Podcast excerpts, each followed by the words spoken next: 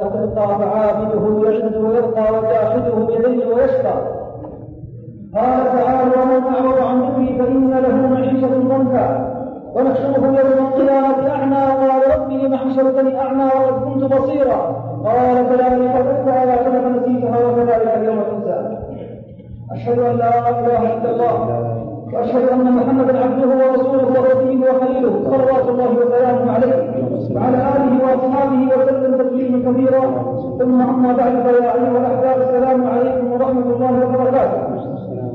ومرحبا بكم في روضة من رياض الجنة وفي حلقة من حلقات العلم والمعرفة. شاعرين من الله عز وجل أن يوفق الجميع لما فيه خير الدنيا والعلم الآخر منه ولذلك فلنقادر عليه. أيها الأحباب فرصة طيبة ومسيرة مباركة ولله الحمد. حينما من الله سبحانه وتعالى علينا في هذه الليلة المباركة مع أحد الدعاة فضيلة الشيخ الدكتور سعيد الوهب نسأل الله سبحانه وتعالى أن يجعل خطواته في ميزان حسنات. فقد خطر خطر خطوات كثيرة يريد ما عند الله ويريد تبليغ رسالة الله. فنسأل الله سبحانه وتعالى أن ينفعنا بما علمنا وأن يعلمنا ما جهلنا وأن يرزقنا وإياكم الإخلاص بالقول والعمل. أيها الأحبة لا أطيل بعد السنة الراتبة. نستمع من فضيلة الشيخ وباسمكم جميعا نرحب به. ونسأل الله يوفقنا لكل خير. بعد أن السنة نستمع. بارك الله فيكم. آه وننتظر ونستمع بصيغة الاستماع والتطبيق. وفق الله جميعا بما فيه خير آه بما فيه الخير. وصلى الله وسلم على سيدنا نبينا محمد. اللهم صل وسلم. السلام عليكم ورحمة الله وبركاته. إن الحمد لله نحمده ونستعينه ونعوذ بالله من شرور أنفسنا وسيئات أعمالنا. من يهده الله فلا مضل له ومن يضلل فلا هادي له وأشهد أن لا إله إلا الله وحده لا شريك له وأشهد أن محمدا عبده ورسوله صلى الله عليه وعلى آله وأصحابه وسلم تسليما كثيرا.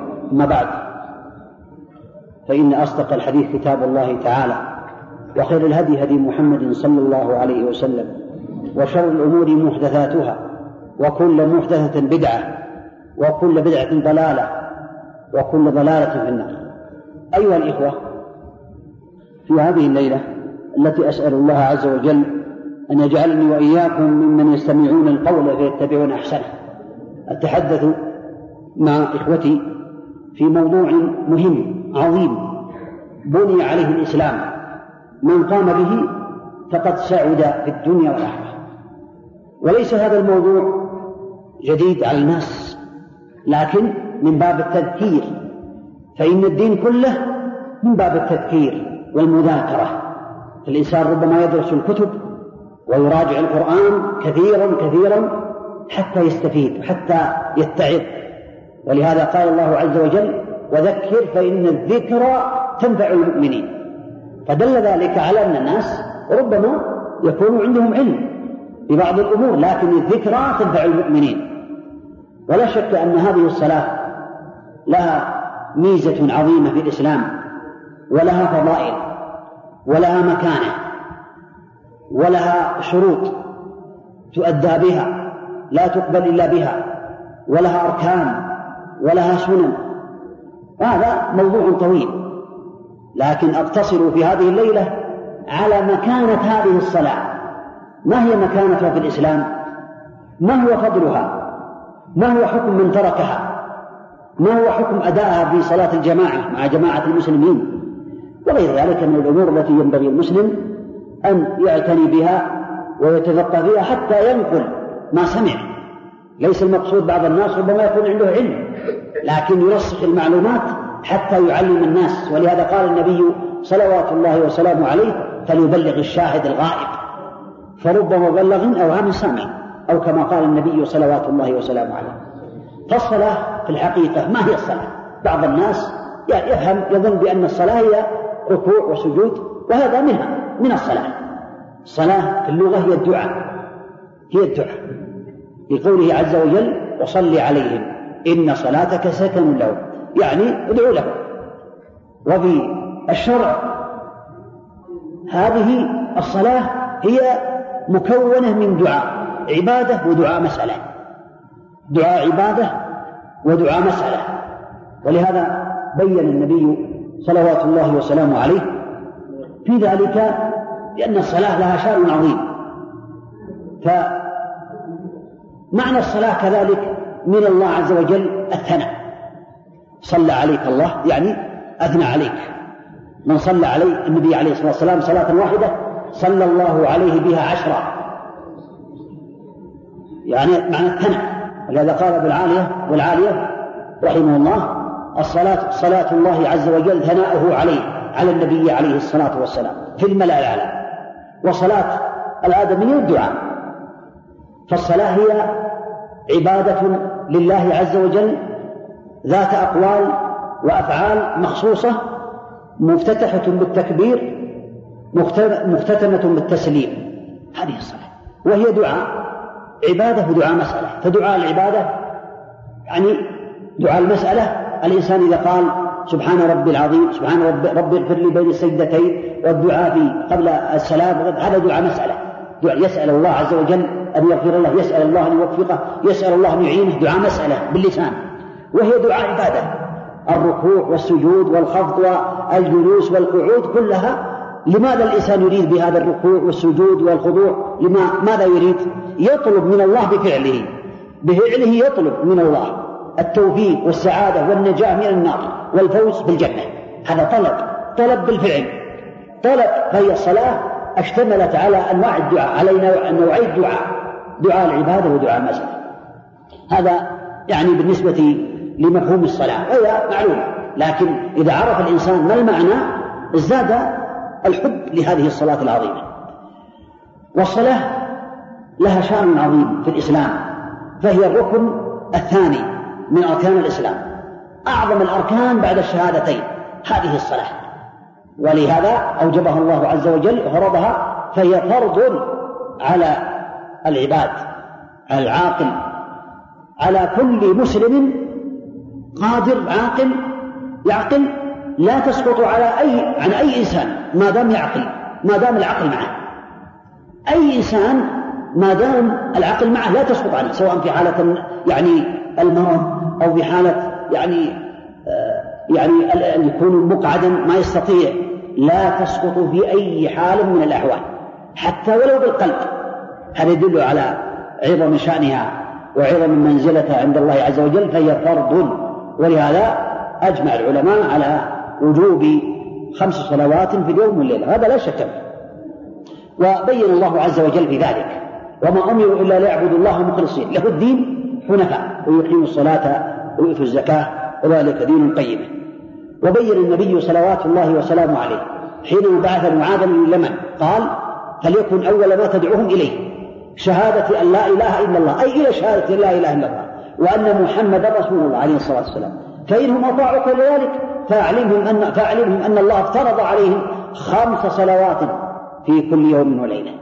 هذا يدل على أهميتها وأن النبي عليه الصلاة والسلام جعلها بعد الشهادتين أما المنزلة المكانة لهذه الصلاة ما هي المكانة التي تعظم هذه الصلاة في قلب المؤمن؟ حينما يرى عناية الله عز وجل بهذه الصلاة. وعناية النبي صلوات الله وسلامه عليه بهذه الصلاة. في أمور تدل على منزلتها وتدل على أن لها مكانة عظيمة. من هذه الأمور أن هذه الصلاة من منزلتها أن الله عز وجل فرضها فوق سبع سماوات. لم يفرضها في الأرض سبحانه. الزكاة والصيام والحج وغير ذلك من أمور الإسلام فرضت عن طريق جبريل عليه الصلاة والسلام. في الأرض. أما الصلاة فلعظم شأنها فرضها الله عز وجل على النبي عليه الصلاة والسلام مباشرة. كلمه الله كما كلم موسى عليه الصلاة والسلام. فالنبي صلوات الله وسلامه عليه هو كليم الله كما أن موسى كليم الله كلمه الله. وضرب عليه خمسين صلاة في كل يوم وليلة. كل يوم وليلة. فامتثل النبي صلوات الله وسلامه عليه. لهذا الأمر العظيم ونزل. فمر بموسى عليه الصلاة والسلام فأخبر قال ماذا فرض ربك؟ قال خمسين صلاة في كل يوم وليلة. قال إن أمتك لا تطيق ذلك.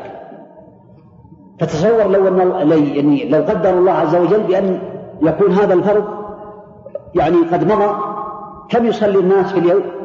خمسون صلاة. بعد كم دقيقة؟ ما يقارب عشرين دقيقة. يزيد على ذلك قليلا. كل ما يخرج الإنسان من المسجد وإذا المؤذن يؤذن. ينتظرون عشرين دقيقة ويصلون.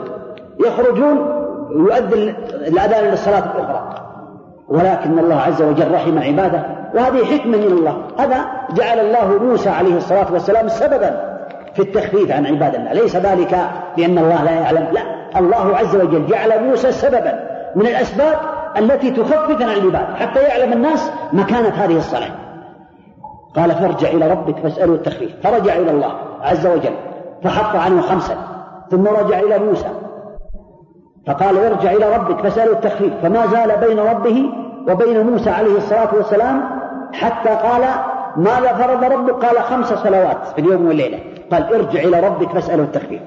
قال والله لقد استحييت من ربي عليه الصلاة والسلام. فسمع مناديا ينادي قد أمضيت فريضتي وخففت عن عبادي. كلام من الله عز وجل. هذا يدل على عظم هذه الصلاة وأن الخمس لا يمكن أن ينقص منها لأن الله قال قد أمضيت فريضتي وخففت عن عبادي. فهي خمسون في الميزان وخمس في العمل. فمن قام بهذه الخمس الصلوات فكأنه صلى خمسين صلاة في كل يوم وليلة في موازين حسناته حينما يلقى الله عز وجل. هذا ثواب كبير يدل على مكانتها وفضلها عند الله عز وجل بأنها تكون خمسون صلاة. في موازين الحسنات لمن قام بها وأداها كما يحبه الله تبارك وتعالى. وهذه الصلاة لمكانتها وعظمتها ومنزلتها في الدين هي عماد الدين العمود للدين كعمود الخيمة. فإذا سقط الفسطاط أو العمود الخيمة إذا كانت تبنى على عمود واحد لا تنفع الأطناق ولو كانت من حديد. إذا سقط العمود سقط الدين كله يسقط الدين كله. ولا تنفع لا إله إلا الله وأن محمد رسول الله بعد سقوط الصلاة. ولهذا قال النبي عليه الصلاة والسلام بني الإسلام على خمس وقال عليه الصلاة والسلام رأس الأمر الإسلام رأسه الإسلام وعموده الصلاة فجعلها العمود. وذروة سنامه الجهاد في سبيل الله فهي عمود الدين. من أسقطها فقد أسقط كل الدين وليس ولا يبقى معه من الدين ولا مثقال ذرة. إذا سقطت الصلاة كما ستسمعون إن شاء الله تعالى. والصلاة كذلك من أهميتها ومكانتها أن الله تبارك وتعالى افتتح أعمال المؤمنين بها. افتتح الأعمال يعني هذا يدل على مكانتها. قد أفلح المؤمنون الذين هم في صلاتهم خاشعون والذين هم عن اللغو معرضون والذين هم للزكاة فاعلون. والذين هم لفروجهم حافظون إلا على أزواجهم أو ما ملكت أيمانهم فإنهم, فأولئك فإنهم غير ملومين. فمن ابتغى وراء ذلك فأولئك هم العادون. والذين هم لأماناتهم وعهدهم راعون والذين هم على صلواتهم يحافظون. إذا بدأ بالصلاة. هذه صفات المفلحين وأعمال المفلحين. بدأها بالصلاة وختمها بالصلاة لعظم شأن الصلاة. ربط هذه الأعمال من أولها وآخرها بالصلاة. هذا يدل على عظمتها عند الله عز وجل ومكانتها عند الله تبارك وتعالى. من عظمتها ومنزلتها ومكانتها أنها أول أول ما يحاسب عليه العبد يوم القيامة. جميع الأعمال أي عمل قبل أي عمل يحاسب الإنسان على الصلاة. فإن صلحت فقد فاز وأنجح وإن فسدت فقد خاب وخسر. كما قال النبي عليه الصلاة والسلام في الحديث الثابت أول ما يحاسب عليه العبد يوم القيامة الصلاة. وفي رواية أول ما ينظر في الصلاة. فإن صلحت نظر في سائر العمل. وإن فسدت فقد خاب وخسر. هذا يدل على مكانتها وأن الأعمال كل الأعمال لا تنفع بدون الصلاة. لابد بالصلاة. فإن في رواية أخرى وإن نقصت؟ قال الله عز وجل انظروا لعبدي هل له من تطوع فتكملون به فرضه. أو كما قال النبي صلوات الله وسلامه عليه. هذا يدل على أن التطوع يكمل الفرائض. إذا كان عندك ثوب مشقوق يحتاج إلى خياطة وعناية فكذلك الصلاة. هذه النوافل صلاة الليل الرواتب بعد الصلوات وغير ذلك هي تكمل الفرائض إذا نقص منها شيء. هذا يدل على أهميتها وأنها أول ما يحاسب عليه العبد يوم القيامة. وهي أول ما يفقد من الدين آخر ما يفقد من الدين. كما ثبت في الحديث الثابت عنه عليه الصلاة والسلام لتنقضن لتنقضن عرى الإسلام عروة عروة. فأول ما ينقض الصلاة. فأول ما ينقض الحكم وآخر ما وآخر ما ينقض الصلاة. في بعض الروايات الأخرى أول ما يفقد من الناس من دينهم الأمانة وآخر ما يفقدون الصلاة. هذا يدل الحديث الأول والآخر يدل على أن الصلاة هي آخر ما يفقد من الدين. فإذا لم يصلي المسلم أو ترك الصلاة فلم يبقى معه من الدين شيء. هذا يدل على عنايتها. والمسلم والحمد لله يصلي ويصوم لكن عليه أن يعرف هذه الأحكام لأنه ينبني عليها أمور كما ستسمعون إن شاء الله. ينبني عليها إذا عرفت بأن الذي لا يصلي حكمه هذا فإنه لا يزوج ولا يصلى عليه ولا يدفن من مقابر المسلمين ولا يدعى له بالرحمة. لابد أن يعرف الإنسان هذا لأن بعض الناس ربما يموت الميت وهو لا يصلي ثم يأتون به إلى المساجد. يقول صلوا يرحمكم الله على الجنازة. هذا غش المسلمين. على القول الصحيح من أقوال أهل العلم.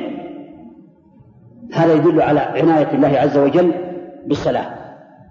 ومما يدل على أهمية الصلاة ومكانتها أنها آخر ما تكلم به النبي عليه الصلاة والسلام من الدنيا. آخر وصية أوصى بها النبي صلوات الله وسلامه عليه الصلاة. كان يقول الصلاة الصلاة أي يلزم الصلاة. وما ملكت أيمانكم. الصلاة الصلاة وما ملكت أيمانكم. حتى جعل يجلجل بها صدره ولا يكاد يفيض بها لسانه عليه الصلاة والسلام. لأهميتها. صلوات الله وسلامه عليه. هذا يدل على عظمتها مكانتها عند الله عز وجل. مدح الله عز وجل القائمين بها. مدحهم وأثنى عليهم. وكرمهم في الدنيا والآخرة. ومن هذا المدح قوله تبارك وتعالى واذكر في كتاب إسماعيل إنه كان صادق الوعد وكان رسولا نبيا وكان يأمر أهله بالصلاة والزكاة وكان عند ربه مرضيا عليه الصلاة والسلام. يمدحه الله عز وجل يثني عليه لأنه كان يأمر أهله بالصلاة والزكاة. فعليك أن تأمر أهلك بالصلاة وبطاعة الله حتى تكون من الممدوحين عند الله عز وجل. من عظم شأنها ذم الله عز وجل المضيعين لها والمتكاسلين عنها.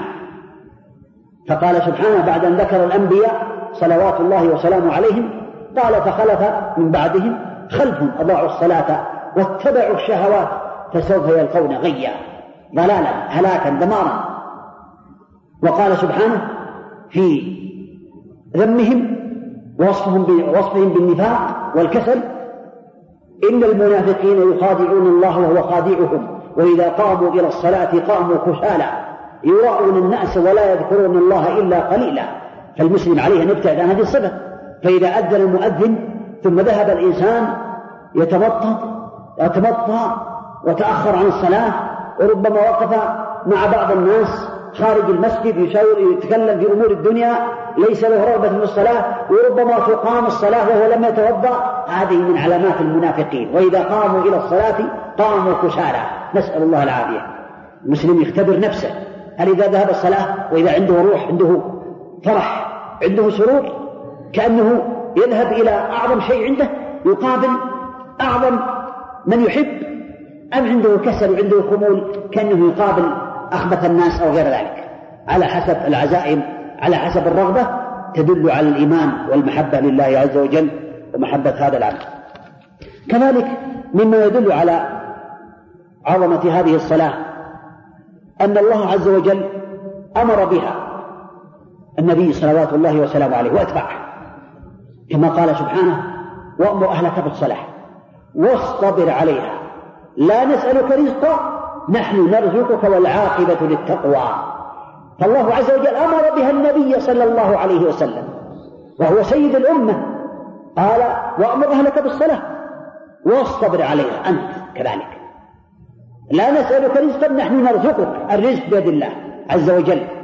فإذا على الإنسان أن يعلم بأن الأرزاق بيد الله وأن من أسباب الأرزاق المحافظة على الصلاة. نحن نرزقك والعاقبة للتقوى. والرزق رزقان رزق القلوب ورزق الأبدان. والآية تنطبق على هذا وهذا رزق الإيمان والمحبة لله وللنبي عليه الصلاة والسلام. هذا رزق القلوب. لا يعطيه إلا الله عز وجل. ورزق الأبدان طعام والشراب صحة وغير ذلك كل هذه الأرزاق تأتي وتنطبق في هذا. وكذلك يدل عليها اسمه تعالى الرزاق فإنه يرزق سبحانه. رزق القلوب ورزق الأعمال. هذا يدل على أهمية الصلاة ومكانتها. ومما يدل على ذلك على أهميتها أنه لم يعذر عن الصلاة أحد من الناس.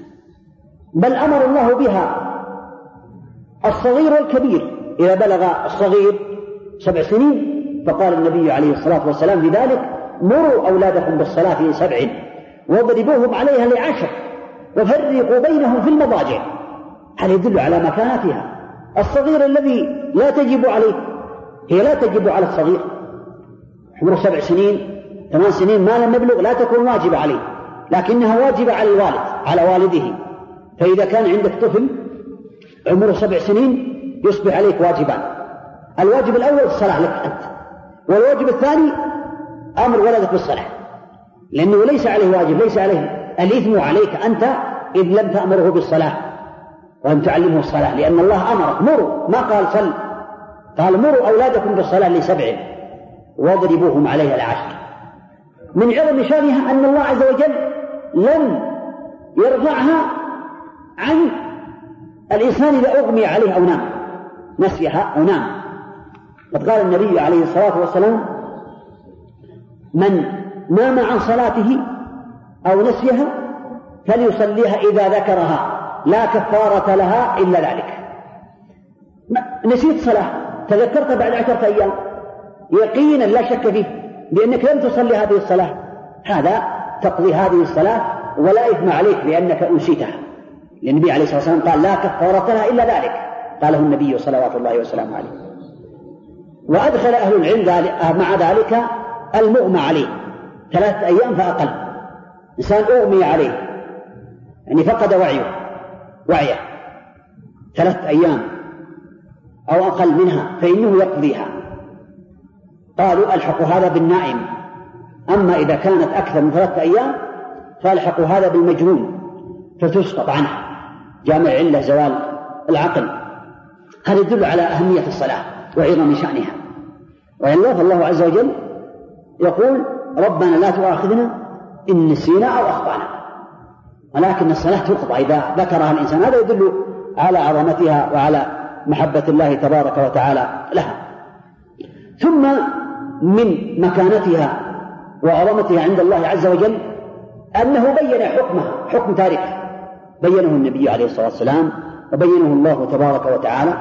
ومما يدل من الآيات على كفر تاركها قوله تبارك وتعالى يوم يكشف عن ساق ويدعون إلى السجود فلا يستطيعون. خاشعة أبصارهم ترهقهم ذلة. وقد كانوا يدعون إلى السجود وهم سالمون. ذكر الإمام ابن القيم رحمة الله عليه بأنه يستبط من هذه الآية بأن الله يكشف عن ساقه يوم القيامة كما في الحديث الصحيح. فيسجد له كل مسلم كان يسجد في الدنيا إخلاصا إلا المنافقين. فإنهم لا يستطيعون أن يسجدوا. تكون ظهورهم كالعمود كالخشب. ما يستطيعون السجود. الناس يسجدون وهو لا يستطيع. هذا يدل على أن الصلاة لها شأن عظيم.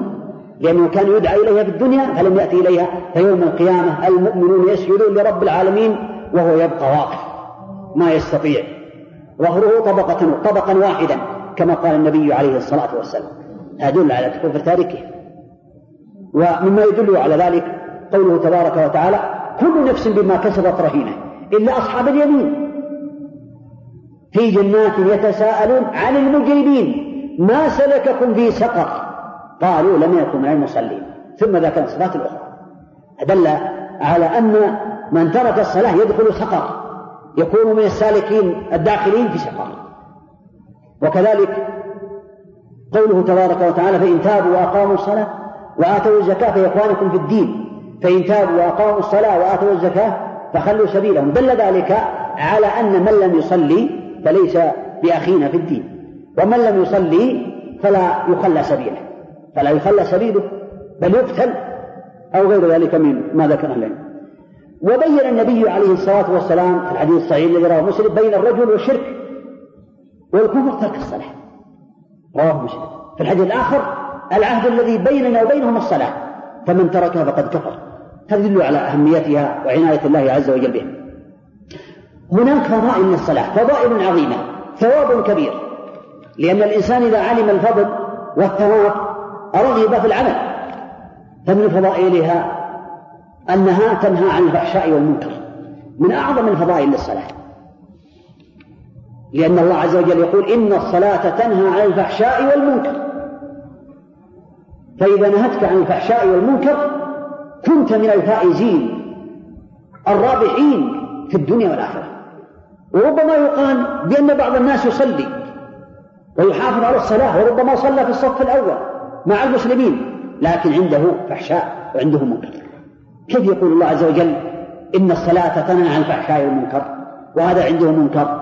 يسبل إزاره يستمع الغنى ينظر إلى ما حرم الله يأكل الربا يغش يعمل أعمالا محرمة حرمها الله حرمها النبي عليه الصلاة والسلام يكذب يغتاب يقبل النميمة. وهو الصف الأول ما السبب؟ يقال له هذه الصلاة ليست كاملة. ما يقال باطلة لا. لم تبلغ الدرجة العليا في الإيمان الكامل حتى تستطيع أن تنهى عن الفحشاء والمنكر. فلو كانت كاملة والله لا يعصي المسلم ربه عز وجل. طرفة عين. لو صلى لله كما يحبه الله ويحبه النبي عليه الصلاة والسلام شرعه والله لا يعصي الله طرفة عين. لأن النبي عليه الصلاة والسلام بين ذلك. يدل على ذلك قوله عليه الصلاة والسلام لرجل جاء إليه وقال يا رسول الله عظني وأوجز. أعطني موعظة وجيزة مختصرة. فقال له النبي عليه الصلاة والسلام إذا قمت إلى الصلاة فصلي صلاة مودع. هذه كلمة. أعطاه ثلاث كلمات.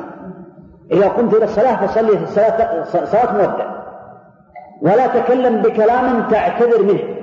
وأجمع الياس مما في أيدي الناس هذه الوصية الأولى صلي صلاة مودع ما هي صلاة المودع؟ هل المودع إذا صلى صلاة المودع هل يعمل أي منكر بعد الصلاة؟ وهل منا الآن أحد يصلي صلاة المودع؟ يطبق الإنسان على نفسه ويسأل نفسه إذا كبر تكبيرة الإحرام فكر في هذه الصلاة وتوقع بأن هذه الصلاة ربما تكون هي آخر صلاة يصليها على وجه الدنيا. الله أكبر. ما يجزم لكن يتوقع يقول هذا ممكن. في كل صلاة. في كل صلاة يقول هذا ممكن. بأن هذه الصلاة هي تكون آخر صلاة أصليها على وجه الدنيا. فلا أستطيع ربما لا أصلي العشاء مع الناس. سبحان الله العظيم. كم من الناس أصيب بالموت بين الصلاتين كثير. أمم. وليسوا مرضى أصحاء. أخبرني بعض الإخوة في هذه الأيام الماضية بأن بعض الإخوان توضأ للمغرب صلاة المغرب. وحينما توضأ وتجهز تأهب للصلاة آه سقط. فينظر إليه وإذا هو ميت. أخذ سقطة قلبية. الآخر ثبت عندي عن طريق الثقات بأن رجلا دخل مسجد من المساجد برجله اليمنى ولم يلحق رجله اليسار أصابه سقطة قلبية. ما صلى صلاة التي تليها وهكذا كثير من الأمم يصلي صلاة ولا يصلي صلاة الوقت فعليك أن تفكر في هذا. فإذا فكرت في هذا وصليت صلاة المودع فلا يمكن أن تخرج من المسجد وتذهب إلى ما حرم الله أو تعمل شيئا حرمه الله لأنك صليت صلاة مودع. إذا هذه الصلاة هي التي تنهى عن الفحشاء والمنكر. فمن وفقه الله عز وجل للصلاة التي تنهى عن الفحشاء والمنكر فقد حصل على هذا الثواب العظيم. يعني هذا من فضائل الصلاة. من فضائل الصلاة العظيمة أن النبي عليه الصلاة والسلام جعلها أفضل الأعمال بعد الشهادتين. صلوات الله وسلامه عليه. فقال عبد الله بن مسعود سألت النبي سأل النبي عليه الصلاة والسلام يا رسول الله أي الأعمال أفضل؟ قال الصلاة لوقتها. على وقتها. قال قلت ثم أي؟ قال بر الوالدين. قال قلت ثم أي قال الجهاد في سبيل الله عز وجل. فهي أفضل الأعمال بعد الشهادتين. أفضل الأعمال الصلاة لوقتها على وقتها في أول وقتها. هذا هو يدل على عظمتها ومكانتها عند الله عز وجل. من فضائلها أنها تغسل الخطايا غسلا. ما تغسل الخطايا تغسل الخطايا غسلا إزالة كما بين النبي عليه الصلاة والسلام. الصلوات الخمس بينا وضرب لها مثلا كنهر جار غمر على باب أحدكم يغتسل منه خمس مرات في اليوم خمس مرات. في رواية أخرى هل يبقى من درنه شيء؟ قالوا ما لا يا رسول الله. قال فكذلك الصلوات. يمحو الله بها الخطايا أو كما قال النبي عليه الصلاة والسلام. كأنك تغتسل من الغبار والدرن وغير ذلك الأشياء في اليوم خمس مرات. تنظيف. تطهير طهارة معنوية من الذنوب والخطايا هذا فضل الله يؤتيه من يشاء. كم منا نعمل الأعمال الكثيرة والذنوب الكثيرة لكن لا تكفر الخطايا الكبائر. الكبائر تحتاج إلى توبة. كالغيبة والنميمة وأكل أموال الناس بالباطل والكذب وغير ذلك تحتاج توبة. لكن صغائر الذنوب تكفر. يعمل الإنسان ذنوبا بين الصلاتين تأتي الصلاة الأخرى تمحو الذنب كما قال النبي عليه الصلاة والسلام الصلوات الخمس. والجمعة إلى الجمعة ورمضان إلى رمضان مكفرات لما بينهن ما اجتنبت الكبائر أو كما قال النبي عليه الصلاة والسلام فضل كبير تكفر الخطايا كما بين النبي كبيرة لكن لا تكفر الخطايا الكبائر الكبائر تحتاج إلى توبة كالغيبة والنميمة وأكل أموال الناس بالباطل والكذب وغير ذلك تحتاج توبة لكن صغائر الذنوب تكفر. يعمل الإنسان ذنوبا بين الصلاتين تأتي الصلاة الأخرى تمحو الذنب كما قال النبي عليه الصلاة والسلام الصلوات الخمس والجمعة إلى الجمعة ورمضان إلى رمضان مكفرات لما بينهن ما اجتنبت الكبائر أو كما قال النبي عليه الصلاة والسلام فضل كبير تكفر الخطايا كما بين النبي صلوات الله وسلامه عليه. الصلاة نور لصاحبها في الدنيا والآخرة نور نور قلبي. ونور عملي نور كما قال النبي عليه الصلاة والسلام. ذكر الصلاة يوم فقال من حافظ عليها كانت له نورا وبرهانا ونجاة يوم القيامة ومن لم يحافظ عليها لم يكن له نورا ولا برهانا. وحشر يوم القيامة مع فرعون وهامان وقارون وأبي بن خلف أو كما قال النبي عليه الصلاة والسلام. ذكر أهل العلم يعني كونه يحشر مع هؤلاء المجرمين أنه إذا ترك الصلاة وتهاون بالصلاة من أجل ملكه حشر مع فرعون. وإن كان المؤخر له عن الصلاة أو وزارة حشر مع هامان وإن كان الذي أخره وشغله عن الصلاة الأموال حشر مع قارون. وإن كان الذي أخره عن الصلاة المعاملة مع الناس فحشر مع أبي بن خلف. رؤوس الكفر يحشر معهم. ولم يكن له نور كما بين النبي صلوات الله وسلامه عليه. وهي نور في الحقيقة كما قال النبي عليه الصلاة والسلام والصلاة نور والصدقة برهان. فالصلاة نور نور للقلب نور للعمل نور للوجه نور في الدنيا نور في القبر نور. النور ليس النور المشاهد الأنوار نور معنوي. فالنبي عليه الصلاة والسلام كان يعتني بها صلوات الله وسلامه عليه. وقد بين النبي صلوات الله وسلامه عليه أن المحافظة على الصلاة والإكثار من السجود خاصة الفرائض من أسباب دخول الجنة. وإن قيل بأن هذا خاص بالتطوع لكن لا يكون التطوع إلا بعد الفرائض بعد الفرائض فكان ربيعة رضي الله عنه بن كعب الأسلمي يخدم النبي عليه الصلاة والسلام ويأتي إليه في آخر الليل. فقال له النبي عليه الصلاة والسلام يا ربيعة سل.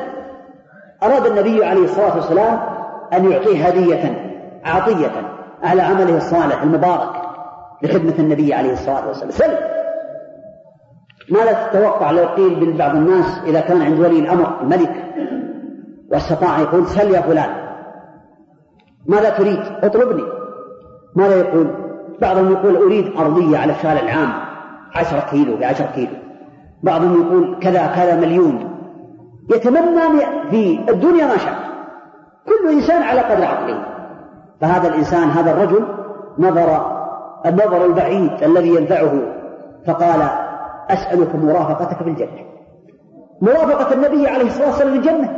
قال وغير ذاك. قال هو ذاك يا رسول الله. فأحرج النبي عليه الصلاة والسلام لهذا هذا يحتاج إلى عمل يحتاج إلى إعانة. فقال فأعني على نفسك بكثرة السجود. اللهم صل وسلم عليه. هذا يدل على أن كثرة السجود من أسباب دخول الجنة. وإن كان هذا ينطبق على التطوع لكن إذا حافظ على الصلوات فمن باب أولى أن السجود في الفرائض هو من أسباب الجنة. هذا يدل على عظمتها. وجاء في الحديث الآخر أن النبي عليه الصلاة والسلام قال إنك لن تسجد لله سجدة إلا رفعك الله بها درجة. كل سجدة سواء كانت نفلا أو فرضا إلا رفعك الله بها درجة. هذا فضل من الله عز وجل. يدل على عظمة الصلاة وأن لها شأن عظيم عند الله تبارك وتعالى. من عظمتها وفوائدها أن الإنسان إذا ذهب إليها لأدائها في المسجد تعد له الضيافة في الجنة. ضيافة. لا يعد له ضيافة واحدة الضيافتان مرتين. إذا ذهب إلى المسجد ضيافة في الجنة نزل. وإذا رجع إلى بيته نزل في الجنة. كما قال النبي عليه الصلاة والسلام.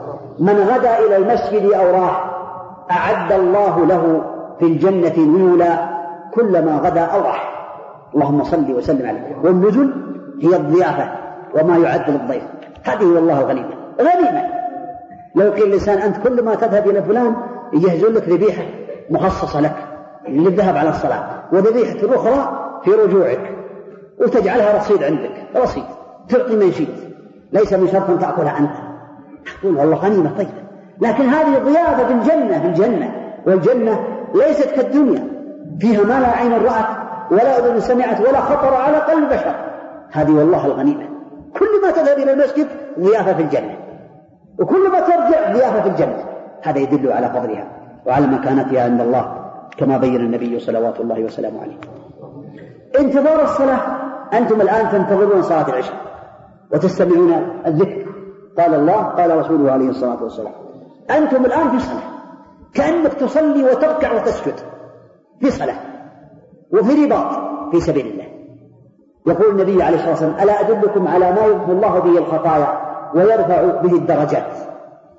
قال قلنا بلى يا رسول قال كثرة الخطى إلى المساجد وانتظار الصلاة بعد الصلاة فذلكم الرباط فذلكم الرباط. رباط في سبيل الله عز وجل. ثواب كبير. لو قيل للإنسان في محاضرة من المحاضرات أو قيل له من جلس بين المغرب والعشاء ينتظر صلاة العشاء فله عشرة آلاف ريال. يعطاها إن شاء الله بعد الصلاة الخروج من الصلاة عشرة آلاف. لوجدت أكثر الناس ذراط ومن كان في الصف الأول يسلم أول ومن كان في الصف الثاني يسلم والمحاسب واحد. تجد الناس يتزاحمون على الصف الأول. من أجل عشرة آلاف ريال. لكن الثواب العظيم ما يريد بعض الناس. ولهذا ثبت في الحديث الآخر أن النبي عليه الصلاة والسلام بين بأن الملائكة تصلي على منكر الصلاة. إذا توضأ الإنسان في بيته وأحسن الوضوء ثم ذهب إلى الصلاة وصلى ولم يفرق بين اثنين وجلس فإنه في الصلاة ما انتظر الصلاة. وكذلك بعد الصلاة ثبت في الحديث الآخر. أنك في صلاة ما بقيت في مصلاك. قال ما لم يؤذي ما لم يحدث. قيل يؤذي بغيبة أو نميمة. ويحدث يعني ينقض الوضوء.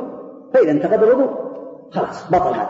فإذا جاء إنسان قبل المغرب مثلا بساعة أو قبل الظهر بساعة أو أقل فهو في صلاة حتى ينتهي من الصلاة. وإذا بقي ساعة بعد الصلاة أو عشر دقائق يذكر الله يقرأ القرآن فهو في صلاة حتى ينصرف. كما بين النبي صلوات الله وسلامه عليه ذلك. ومع ذلك تصلي عليه الملائكة. ثبت في الحديث الصحيح؟ تقول اللهم اغفر له. اللهم تب عليه. ما لم يؤذي ما لم يحدث. دعاء. سبحان الله. لو تسمع إنسان عادي إنسان أن تقرأ. تقرأ فيقول واحد من المسلم اللهم اغفر له.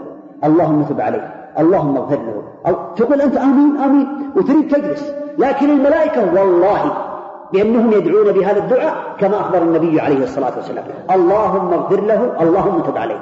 فضل عظيم ثواب عظيم. ما دمت في مصلاك ما لم تؤذي ما لم تحدث غنيمة. كثر من الحسنات في الموازين في موازين حسناتك حتى ترجح يوم القيامة. يدل على عناية الله عز وجل بالصلاة وفضلها عند الله تبارك وتعالى. إذا تطهر في بيته المسلم هذا يدل على فضل الوضوء في البيت. أفضل من الوضوء في المسجد. إذا تطهر في بيته ثم ذهب إلى الصلاة فهو في الصلاة حتى يرجع. فلا يعمل هكذا. وشبك بين أصابعه عليه الصلاة والسلام. لأنه في صلاة فإذا توضأ في البيت ثم خرج إلى الصلاة فهو في صلاة. إلى أن يصل المسجد. إلى أن يرجع إلى بيته. وهذه غنيمة. فعليك يا عبد الله أن تحاول وتجتهد أن تتوضأ في البيت. حتى تحصل على هذا الثواب العظيم. تحصل. وثواب آخر غير الصلاة ستسمعه إن شاء الله من حديث عبد الله بن مسعود رضي الله عنه. يدل على هذا الفضل الكبير والثواب العظيم حتى يرجع. وبين النبي عليه الصلاة والسلام بأن من ذهب إلى الصلاة يريد أداء الصلاة في المسجد فله الثواب العظيم وخاصة في الظلمة في الليل. يقول النبي عليه الصلاة والسلام بشر المشائين في الظلم إلى المساجد بالنور التام يوم القيامة. بشرهم بالنور التام. النور العظيم. الأنوار يوم القيامة توزع على حسب الأعمال توزع. من كان إيمانه عظيما أعطي نورا عظيما. ومن كان إيمانه قليلا أعطي نورا قليلا. على حسب الأعمال فالشمس والقمر والنجوم لا لا توجد يوم القيامة. الناس في ظلمة على الصراط. ظلمة إلا نور الإيمان. وهم على الصراط يمرون على حسب نورهم وعلى حسب سرعتهم في طاعة الله في الدنيا. فذكر النبي عليه الصلاة والسلام مجموع الأحاديث بأن منهم من يمر كلمح البصر ومنهم من يمر كالبرق ومنهم من يمر كالريح. ومنهم من يمر كأجاويد الخيل ومنهم من يعدو عدوى ومنهم من يمشي مشيا ومنهم من يزحف زحفا ومنهم من يسقط على وجهه بجهنم على حسب أعمالهم بالدنيا. ولهم أنوار هذا المرور على حسب النور في الدنيا نور في الدنيا. ومجموع الأحاديث مجموع الأخبار في ذلك مجموع الأحاديث والآثار والأخبار تدل على أن منهم من يعطى نوره كالشمس. كما ذكر ابن القيم رحمه الله عليه وذكر أثارا بذلك كالشمس. ومنهم من يعطى كالقمر. ومنهم من يعطى كالجبل. ومنهم من يعطى نوره, نوره كالنخلة. ومنهم من يعطى نوره كالرجل القائم. ومنهم من يعطى نوره على إبهامه. يضيء تارة ويطفى تارة. فالناس يمرون على الصراط على حسب أنوارهم. قال النبي عليه الصلاة والسلام بشر المشائين. في الظلم إلى المساجد بالنور التام يوم القيامة. هذا يكون من أعظم الأنوار يوم القيامة لمن حافظ على هذه الصلاة وذهب إليها في الظلم وغير الظلم. كذلك المشي إلى الصلاة كما بين النبي عليه الصلاة والسلام يحصل الماشي إلى الصلاة على ثلاثة أشياء. بكل خطوة واحدة على الصحيح. من حديث عبد الله بن مسعود رواه مسلم. أن المسلم إذا تطهر في بيته ثم عمل إلى مسجد من بيوت الله من هذه المساجد فإنه لا يخطو خطوة إلا رفعه الله بها درجة وحط عنه بها خطيئة ومحي عنه بها سيئة. رواه مسلم. الله أكبر. الخطوة الواحدة. ورد في الأحاديث الصحيحة الأخرى بأنه ما خطأ خطوة خطوة يرفع بها درجة والأخرى يحط عنه بها سيئة. وهذا صحيح وهذا صحيح. لكن ذكر بعض المحققين بأن هذا ربما يكون فضل من الله عز وجل زاده كان هذا أولا ثم تفضل الله عز وجل فأعطى بالخطوة الواحدة. الخطوة الواحدة لا ثلاث أشياء. يرفعه الله بها درجة. ويكتب له بها حسنة. ويمحى عنه بها سيئة. لكن هذا لمن؟ لمن توضأ في بيته. هذا يدل على فضل الوضوء في البيت. فحافظوا واغتنموا الطهارة في البيت. لمن استطاع؟ حتى يحصل على هذه الدرجات. والله غريبة والله لو قيل للإنسان أنت كلما تذهب إلى المسجد تعطى بكل خطوة ألف ريال. أقل حول. كل ما تخطو خطوة ألف. ألف ألف ألف ألف. هذه قليلة بالنسبة للثواب العظيم. بالنسبة لرفع الدرجة عند الله. كما ذكر العلم يقول ذرة واحدة من ذرات الآخر من العمل الصالح. ثواب الله عز وجل. ها؟ تسود يعني تعدل الدنيا وما عليها. لأن الدنيا لا تعدل عند الله جناح بعوضة فلو أعطي لبعض الناس على الخطوة إلى المسجد ألف لتمنى كل إنسان البعد عن المسجد يحاول. ولهذا بعض الناس يحاول أن يذهب إلى المسجد ولو كان بعيدا على الأقدام حتى يحصل على هذا الثواب العظيم. لكن لا ينسى الوضوء في البيت. الوضوء في البيت يحتسب هذا الثواب العظيم. وهذا الحديث رواه مسلم. هذا من فضل الله عز وجل. على عباده يعني أنعم عليهم بهذه النعم العظيمة. يرجع إلى بيته يذهب إلى المسجد ويرجع البيت بحسنات عظيمة وسيئات قد حطت ودرجات قد رفعت. هذا فضل الله عز وجل يؤتيه من يشاء سبحانه وتعالى.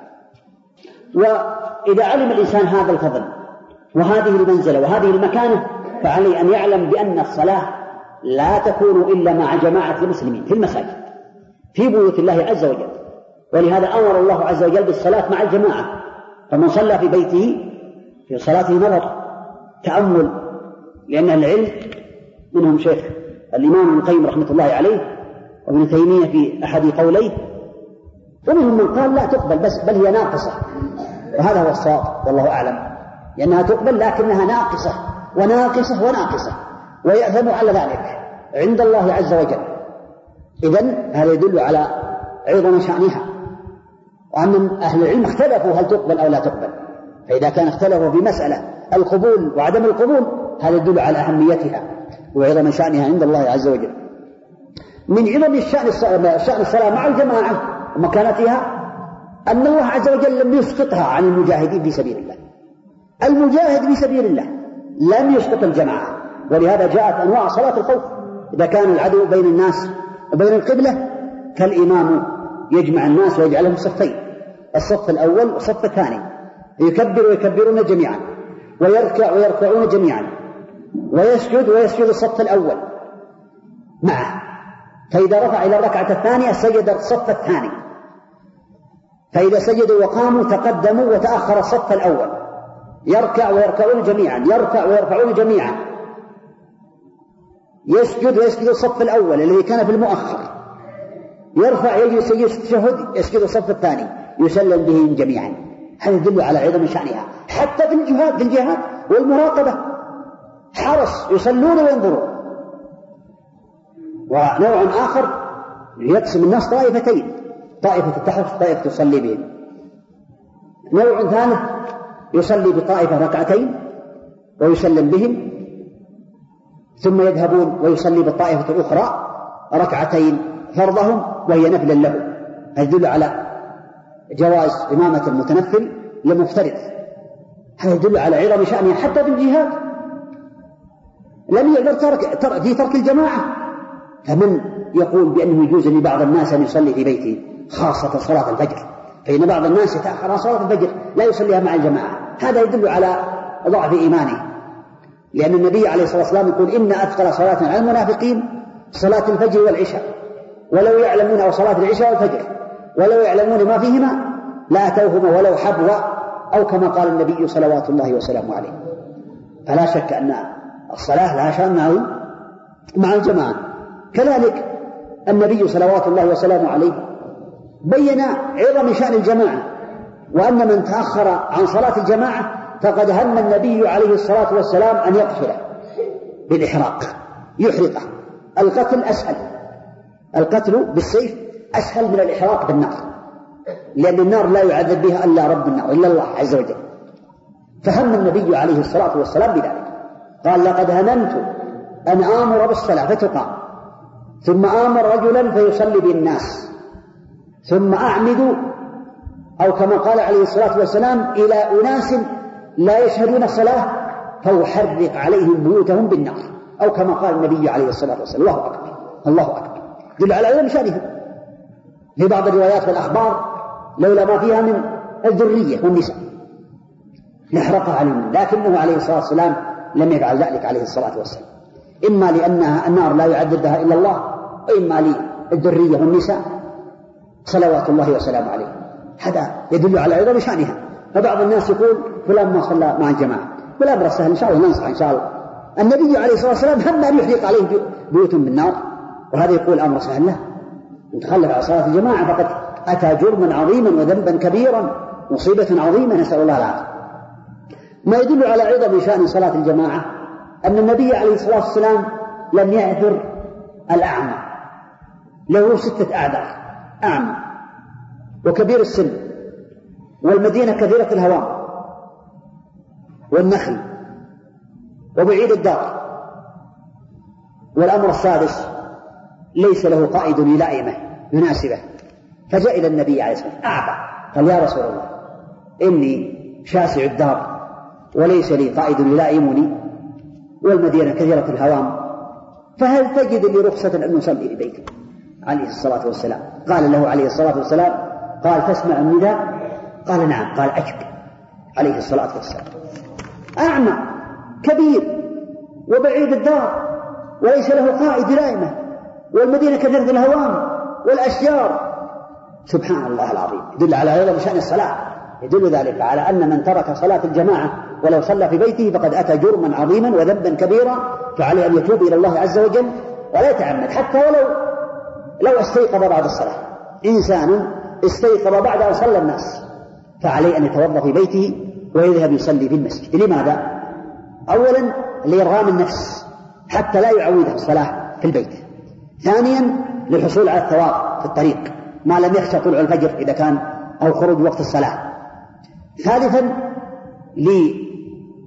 للحصول على الثواب العظيم الذي بينه النبي عليه الصلاة والسلام بأن من تطهر في بيته ثم ذهب إلى بيت من بيوت الله عز وجل فوجد الناس قد صلوا فإنه يكتب له كمثل كأنه صلى معهم أو كما قال النبي عليه الصلاة والسلام لنية صالحة مع الله عز وجل. تأخر في يوم من الأيام غلب على أمره بنوم غير ذلك فصلى في المسجد يكتب كأنه صلى مع جماعة المسلمين لحسن نيته عليه. لهذا قال النبي عليه الصلاة والسلام إذا مرض العبد أو سافر كتب الله له ما كان يعمل صحيح مقيم. فضل.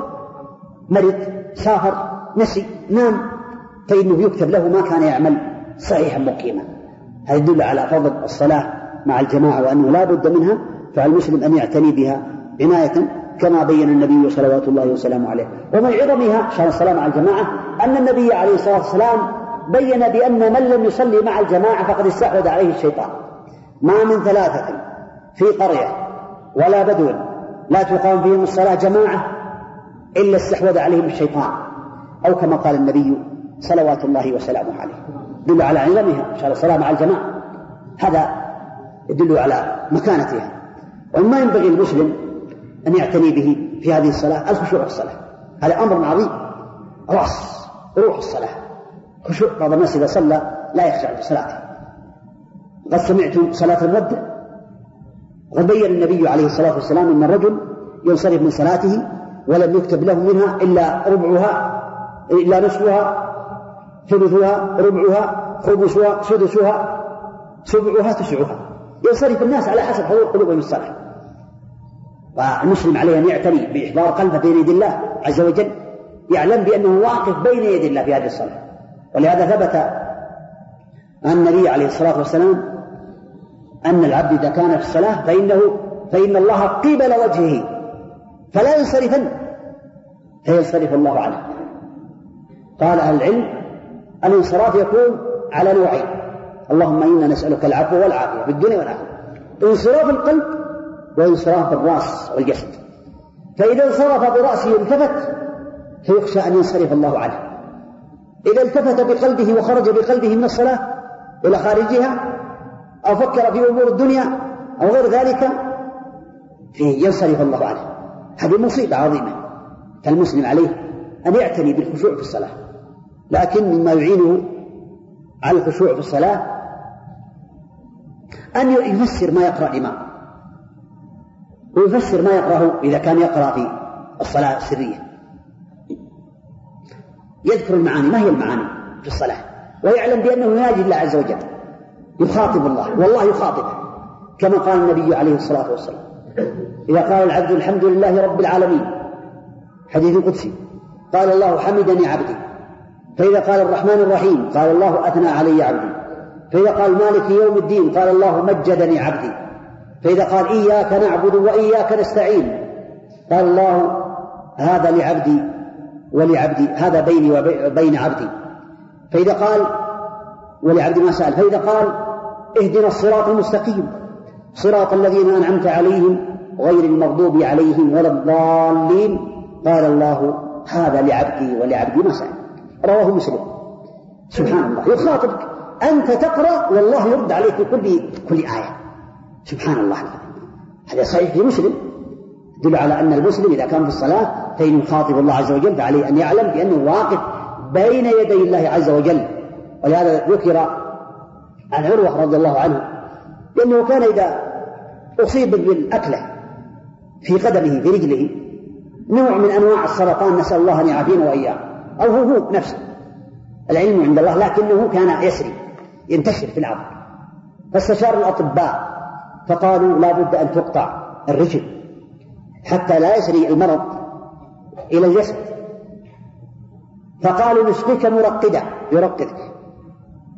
فقال ما ظننت أن أحدا يستطيع أن يغفل عن ربه عز وجل. لكن إذا كنت في الصلاة فاقطعوا رجلي فإني حينئذ لا أحس بها. سبحان الله العظيم سبحان الله. فتركوا وحينما صلى في صلاته قطعوا رجله وأخذوا احتياطا من اللحم الحي الذي لم يصل المرض. وحينما سلم من الصلاة أغمي عليه. سبحان الله. يدل على الخشوع الكامل في الصلاة هذا القصة ذكرها الإمام ابن كثير رحمة الله عليه في البداية والنهاية في ترجمة عروة بن الزبير. يدل على عظم شأن الصلاة. الإمام البخاري يذكر في ترجمته رحمه الله. أنه نشع سبع عشرة لسعة. ما هي هذه اللسعات؟ من ذباب؟ لو جاء الذباب على أنف بعضنا لرأيته يطارده. ذباب أمر سهل. وكان يصلي رحمه الله قالوا كان يصلي سنة الظهر السنة الراتبة التي بعد الصلاة. يصلي فصلى ركعتين ثم سلم. ثم قال لمن حوله انظر ما الذي آذاني شيء دخل بينه وبين ثيابه. قال انظر ما الذي آذاني فنظر تحت ردائه. فوجد زنبورا. الزنبور ما يسميه بعض الناس الدبور. الأصفر هذا. الأصفور هذا. هذا ربما بعض الناس إذا لسعه يذهب إلى المستشفى. كان لي ابن في يوم من الأيام لسعه زنبورا. فحصل له ورم في يده انتفاخ عظيم. وذهب به إلى المستشفى وضرب بإبرة حتى تهدي هذا السم. وهذا الشافعي الإمام الشافعي رحمة الله عليه الإمام البخاري قال فوجد زنبورا قد لسعه سبع عشرة لسعة. كلها قد انتبرت في ظهره. وهو يصلي سنة الراتبة. فقال له يرحمك الله. ألا أنهيت الصلاة أو أسرعت في الصلاة؟ قال إني كنت في سورة أو أقرأ سورة فأحببت أن أتمها. يعني ما أحب أن أقرأ سبحان الله العظيم. تصور بالله عليك لو كان واحد منا يصلي هنا والدين يسر لكن هذا قوة الإيمان. ثم لسع دخل بينه وبين ثوبه ذباب ذباب وأنذاه ولقصه. ماذا يعمل؟ يكثر الصلاة يقول الدين يسر والحمد لله. لكن هذا زبدة يدل على الخشوع لله عز وجل وقوة الإيمان. لأن هذا الرجل عمل هذا العمل لأنه يعلم بأنه واقفا بين يدي الله عز وجل.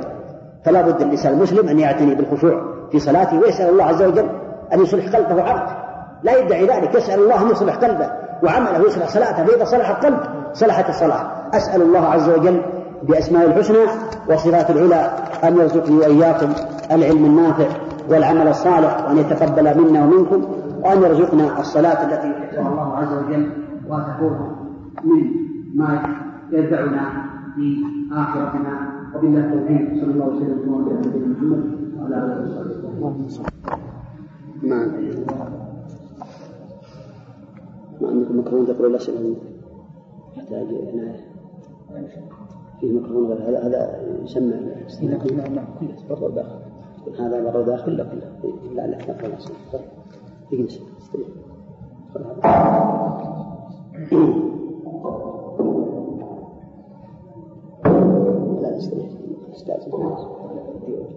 لا لا بسم الله الحمد لله أعطنا الكرسي وصلى الله وسلم وبارك على سيدنا ونبينا محمد عليه الصلاه والسلام التسليم شكر الله فضيلة الشيخ. ونسأل الله سبحانه وتعالى أن ينفعنا بما علمنا وأن يعلمنا ما جهلنا إنه على كل شيء قدير. أيها الأحبة في الله نستعرض بعض الأسئلة. على فضيلة الشيخ.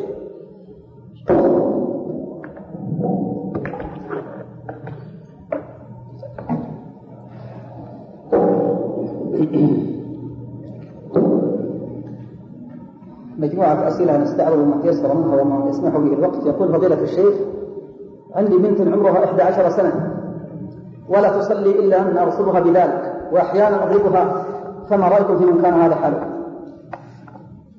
بسم الله الحمد لله. والصلاة والسلام على رسول الله. بعد فالصلاة كما قال النبي عليه الصلاة والسلام مروا أولادكم بالصلاة في سبع والأولاد هم الذكور والإناث. إذا قيل الإبن هذا ذكر وإذا قيل البنت لكن إذا قيل الأولاد فالأولاد الذكور والإناث. والله عز وجل يقول يوصيكم الله بأولادكم. للذكر مثل حظ الأنثيين. هذا يدل على البنات والأبناء يجب أمرهم بالصلاة لسبع. وهذه البنت التي بلغت سبع 11 سنة عليك أن تأمرها بالصلاة بالكلام الطيب ومساعدة الأم تحذيرها من غضب الله عز وجل أن الصلاة لها مكانة. وعليك أن تضربها إذا لم تصلي. لقوله عليه الصلاة والسلام واضربوهم عليها لعشر تضربها الحمد لله. إن لم تصلي تضرب. إذا امتنعت تجلد. أما كونها يعني تأخر الصلاة وغير ذلك فأنت حريص. كن حريصا معها دائما وأمها كذلك. وتدعو لها في السر في آخر الليل. تدعو أن الله عز وجل يصلح قلبها ويصلح ذريتك. أسأل الله عز وجل أن يصلح ذرياتنا وجميع المسلمين. جزاكم الله خير. سؤال آخر يقول عندي جار لا يصلي معنا في المسجد. قد حاولت فيه ولم يستجب أفيدونا؟ وسؤال نفس هذا قريب من هذا يقول لي جار لا يصلي عمره 22 سنة ونصحته لمدة سنتين ولم يتصح فما ينتصح فماذا أفعل؟ وجزاكم الله خير. هذا الجار الذي يصلي عليك أن تزوره وتنصح فإن عجزت عنه تستعين عليه بالله ثم الجيران. تجتمع أنت والجيران لا قد جرق إذا اجتمع الجيران كلهم ثم دخلوا على هذا قالوا إن جيرانك لا تصلي معنا نخشى عليك جهنم النار. فإن امتثل فالحمد لله. وإن لم يمتثل هذا يكتب عنه. يكتب عنه الهيئة. تبلغ الهيئة. يكتب عنه حتى يحقق معه. ويلزم بطاعة الله عز وجل. نعم.